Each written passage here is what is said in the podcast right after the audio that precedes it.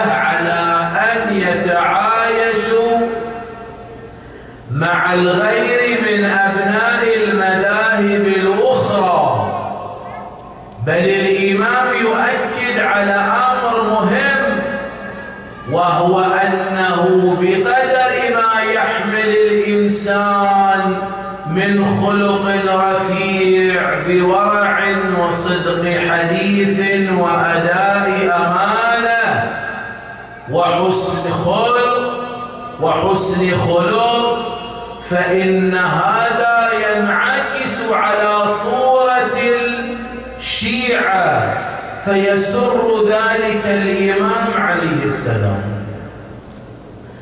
لكن أمام هذه النصوص يرد عندنا تساؤلات متعددة وهي كيف يمكننا أن نتعامل تعايش مع الآخر في ظل وجود شعارات ونصوص تؤكد على أن للشيعة خصوصيات كاشفة عن انتمائهم المذهبي. من قبيل ماذا؟ مثلا روايات اللعن روايات البراءة. أمثال هذه الروايات والشعارات التي يملكها الشيعة. كيف يمكن أن نتعايش مع وجود هذه العناوين؟ شلون؟ يعني لو ترجع إلى النصوص تتحدث مثلا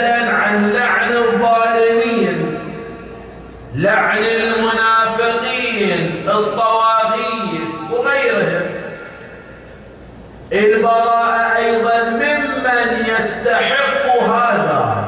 شلون نوافق بين هذه النصوص وتلك النصوص الداعية إلى التعايش؟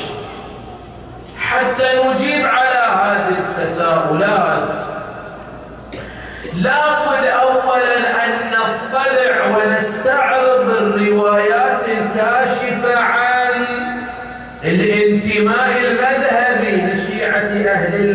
عليهم السلام.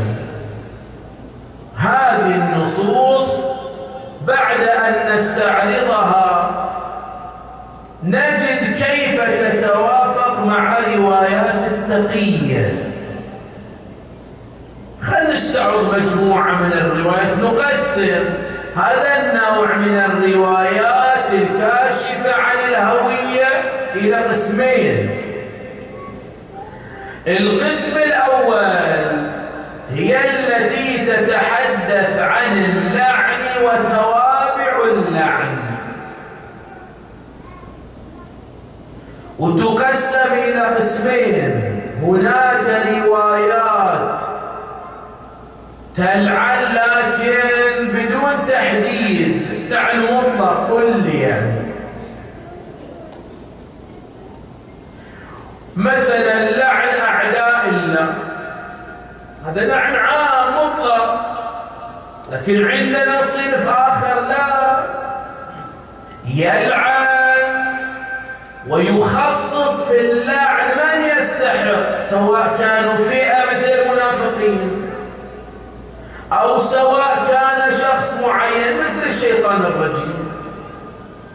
هذا تخصيص زين اللعن ثقافة قرآنية.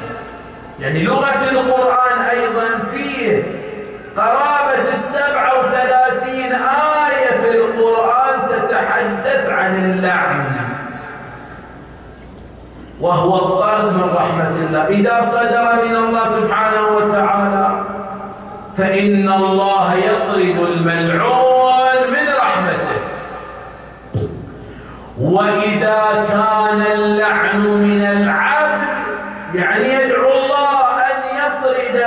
يستحق اللعن من رحمته. لكن تبقى لغة قرآنية القرآن استخدمها في موارد متعددة. هذا نوع تجي إلى نوع آخر وهو عنوان البراءة.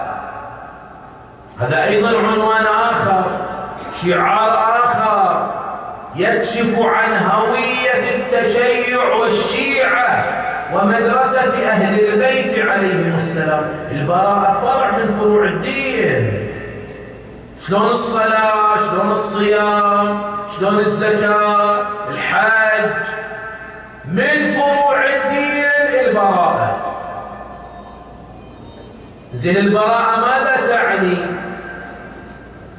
حالة من النفور. ممن لا يحبه الله سبحانه وتعالى. إما لكفره بالله وبرسوله أو لبغضه لأعداء أو لبغضه لأولياء الله أو لظلمه لأهل البيت عليهم السلام.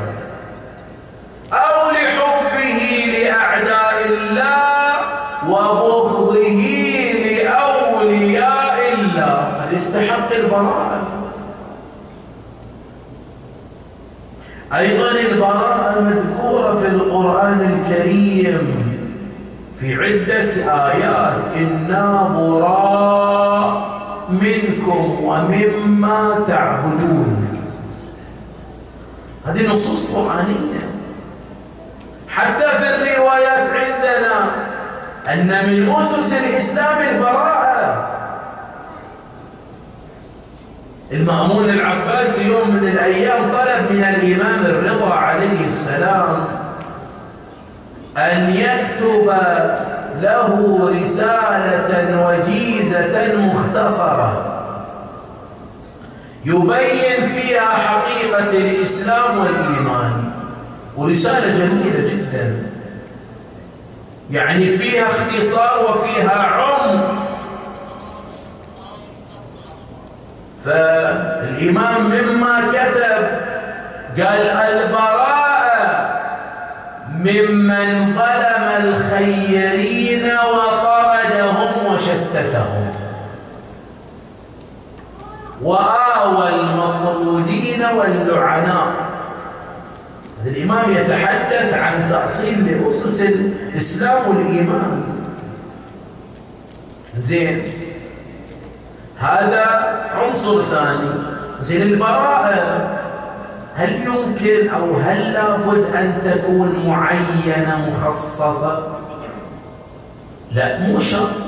ممكن أن الإنسان يتبرأ من أعداء الله لكن مو شرط أنه يخصص تصريحا. لأن يقولون البراءة تكون على أنواع. إما تكون براءة قلبية وإما تكون براءة قولية أو لفظية. زين. الحين البراءة تخضع لأمور معينة مثلا لاختلاف الزمان والمكان. شلون يعني؟ يعني من الممكن أن الإنسان يعيش في زمان ومكان يستطيع أن يختار التصريح بمن يتبرأ منهم. يكون في مأمن في ظروف تتلائم مع وضعية هذا الأمر. لكن ممكن نفس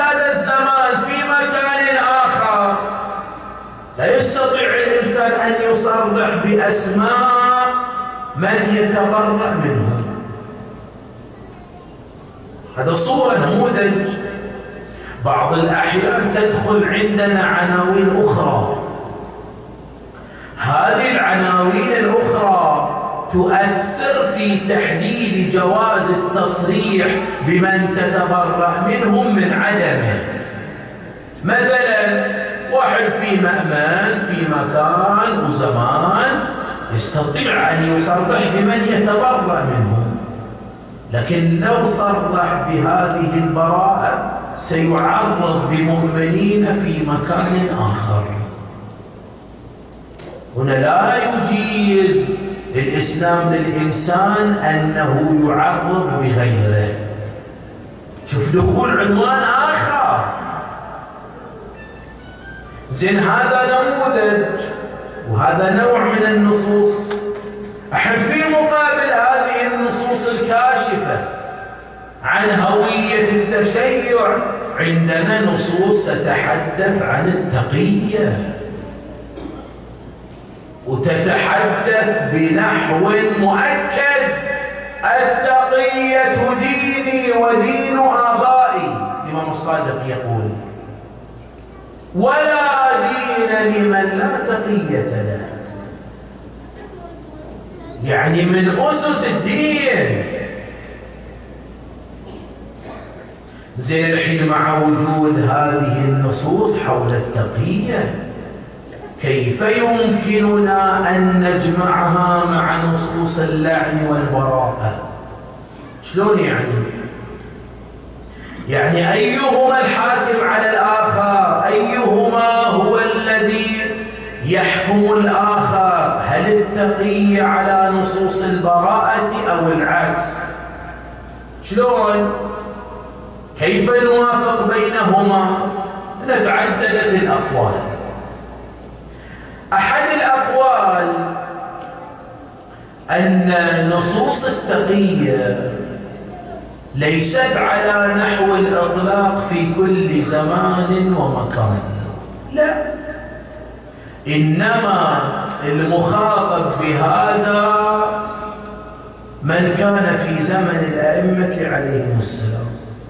يقول لك ذاك الوقت كانوا الشيعة أقليات ويخضعون تحت ضغط السلطة الأموية والعباسية والتنكيل والتشريد والقتل. فالتقية مخاطب فيها ذلك الزمان مو مكان آخر. لكن النصوص صريحة مطلقة ما خصصت. التقية دين الإمام الصادق يقول ما قال في زمن معين؟ أطلقها قال في كل زمان يعني ينطبق عليه لأن كلام مطلق. هذا رأي. تجي إلى رأي آخر وهو أن الأدلة التقية هي لكل زمان ومكان لكن يستثنى من التقية عنوان البراءة.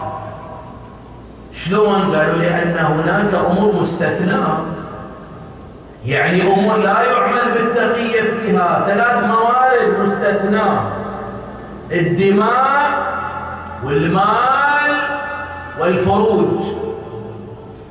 هذه ما فيها تقية فيقولون إذا استثني هذه الثلاثة أمور أيضا البراءة مستثناة يقول صحيح في استثناء لكن هذا الاستثناء للثلاثة أمور هذا يعود إلى دليل خاص.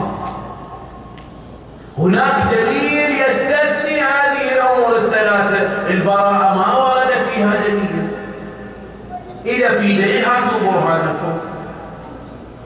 وإذا ما في دليل الأصل دخول البراءة كما دخول بقية الأمور الشرعية والمفاهيم الإسلامية تحت مظلة ودائرة التقية. إذا ما هو الموضوع؟ والرأي الصحيح والسديد أن التقية هي الحاكمة على أدلة وأحاديث البراءة واللعن. شلون يعني؟ يعني أن إظهار البراءة والتصريح بالأسماء لمن تتبرأ منهم هذا يخضع بحسب ظرف الزمان والمكان فإذا كان الأمر متاح ولم تدخل عناوين أخرى بحيث تعرض جاز للإنسان ولا في غير هذا المورد يكون الإنسان يتقي. وهذا بحسب الدليل والرواية. اللي يؤكد هذا المعنى صنف آخر من الروايات. اللي تتحدث عن خطورة الإفصاح وإذاعة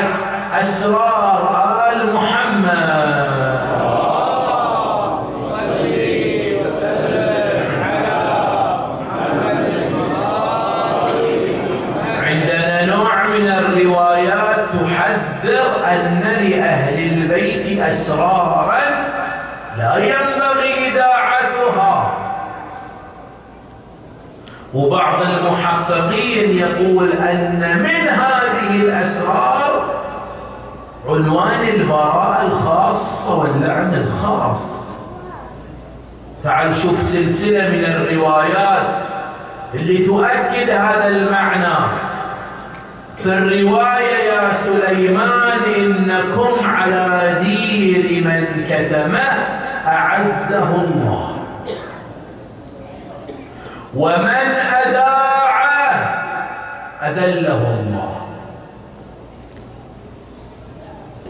رواية أخرى عن الإمام الصادق عليه السلام.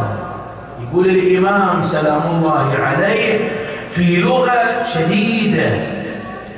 من الإمام عليه السلام. خلق في المسجد يشهرون ويشهرون أنفسهم. أولئك ليسوا منا ونحن ولا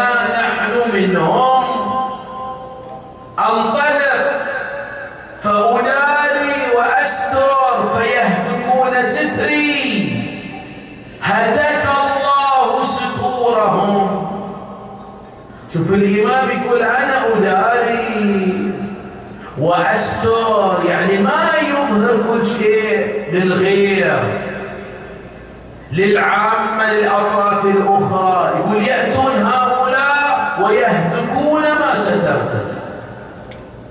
يقولون إمام والله ما أنا بإمام إلا من أطاعني. فأما من عصاني فلست له بإمام. لما لما يتعلقون باسمي؟ ألا عن أفواههم. فوالله لا يجمعني الله وإياهم في دار. شوف خطورة إذاعة هذه الأسرار. مو يعني ممكن واحد يشكل يقول لي شيخ هذه الأمور موجودة الحين في الإنترنت. له صحيح. لكن أنك تذيعها بنفسك تعرض بنفسك وبغيرك. لو قالها الغير أنت. ما تصير في الصورة. ما تعرض بنفسك. تعال إلى رواية أخرى في قوله تعالى ويقتلون الأنبياء بغير حق. يقول الإمام الصادق أما والله ما قتلوهم بأسيافهم ولكن أذاعوا عليهم فأفشوا سرهم فقتلوهم رواية ثالثة عن الإمام الصادق ورواية جميلة توجه كيف يتعامل الإنسان مع الأطراف الأخرى. يقول الإمام إنه ليس احتمال أمرنا التصديق له والقبول فقط لا. يقول من احتمل أمرنا ستراه أو من احتمال أمرنا ستره وصيانته عن غير أهله. فأقرئهم السلام وقل لهم هذه رسالة صريحة واضحة من الإمام الصادق عليه السلام لشيعته. رحم الله عبدا اجتر مودة الناس إلينا. حدثوهم بما يعرفون واستروا عنهم ما ينكرون. أنا أريد أن أعلق على الفقرة الأخيرة من واقعنا القضية أن الإنسان مسؤول كيف يجر الناس إلى مودة أهل البيت وإلى مدرسة أهل البيت؟ هذه مسؤولية.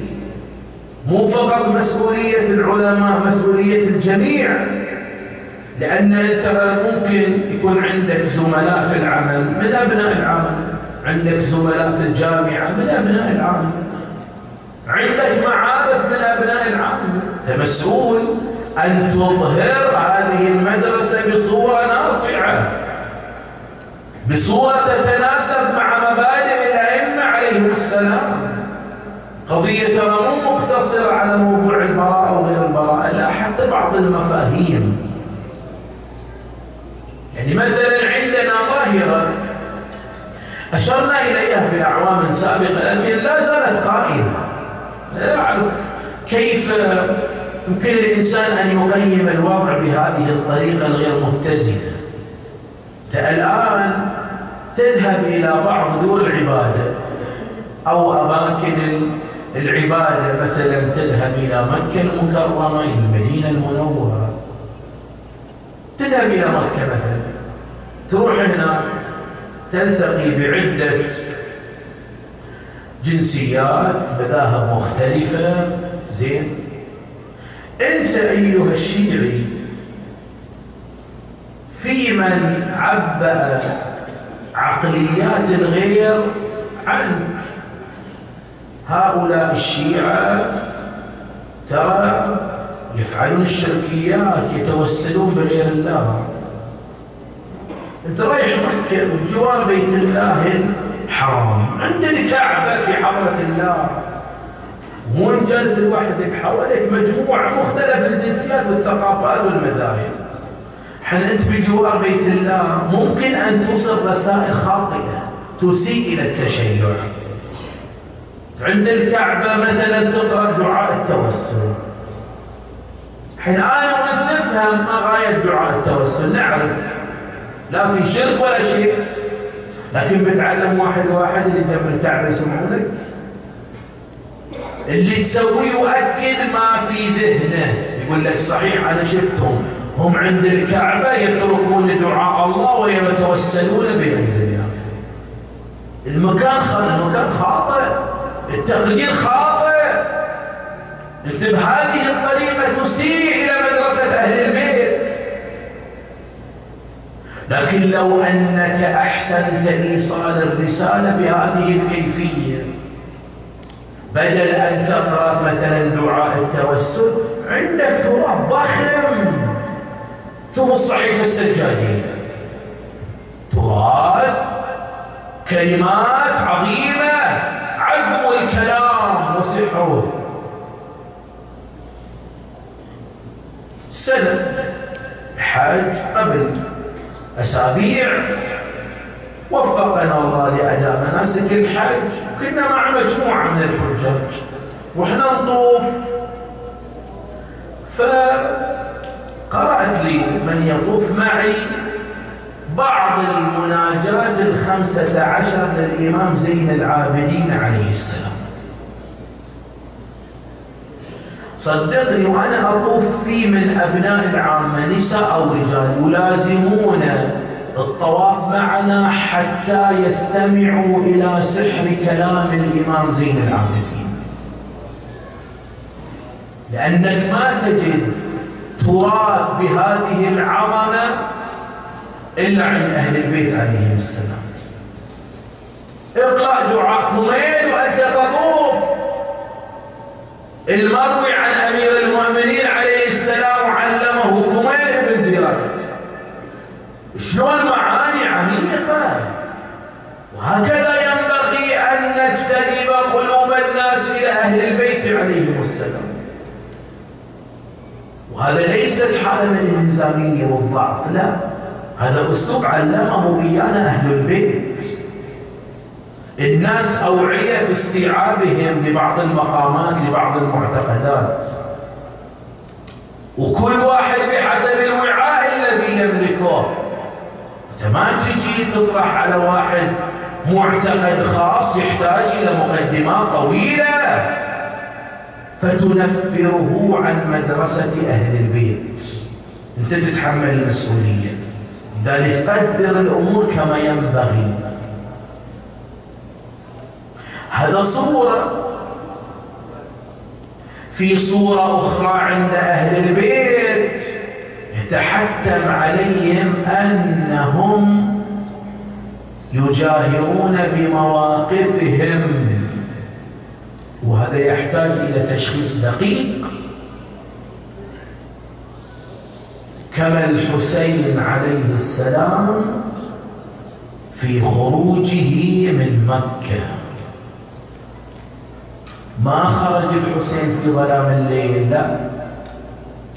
خرج في وضح نهار يوم الثامن من المحرم يوم التروية. تعرف إيش معنى يوم الثامن؟ يوم الثامن يوم قدوم الحجيج إلى مكة ليحجوا في بيت الله. يعني ملتقى الناس والناس جاية لتحج بحج الحسين عليه السلام. وإذا الحسين خارج والناس داخل خرج الحسين بناء على كتب جاءته من أهل الكوفة. كاتبوه مثل شبث بن ربعي حجاج بن أبجر عروة بن قيس أن قد أينعت الثمار واخضر الجنان. فأقدم إلينا إنما تقدم على جنود لك مجندة وصل الخبر إلى يزيد في الشام. وقام أرسل جيش جرار إلى مكة بقيادة عمرو بن سعيد بن العاص. وأمره على موسم الحج. وأمره أن يقتل الحسين سرًا. وينفذون ثلاثين رجل من شياطين بني أمية. أن يقتلوا الحسين سرا. إذا ما استطاعوا يقتلونه جهرا ولو كان متعلق بأستار الكعبة.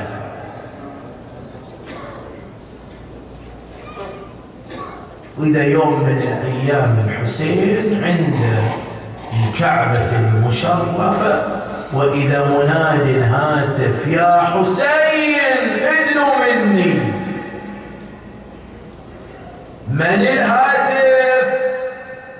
قال سادسكم تحت الكساء يا ابن صفوة الله. جبرائيل قال له بلى أبا عبد الله حل من إحرامك. فإن الشيطان المريد يزيد بن معاوية قد عزم وإن رائدك في الكوفة مسلم بن عقيل قد قتل فعظم الله لك الآن ويستند الحسين إلى جدار الكعبة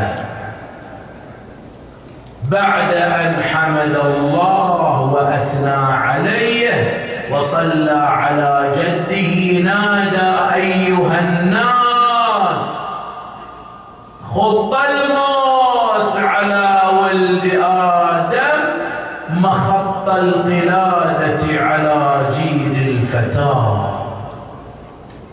وما أولهني إلى أسلافي اشتياق يعقوب إلى يوسف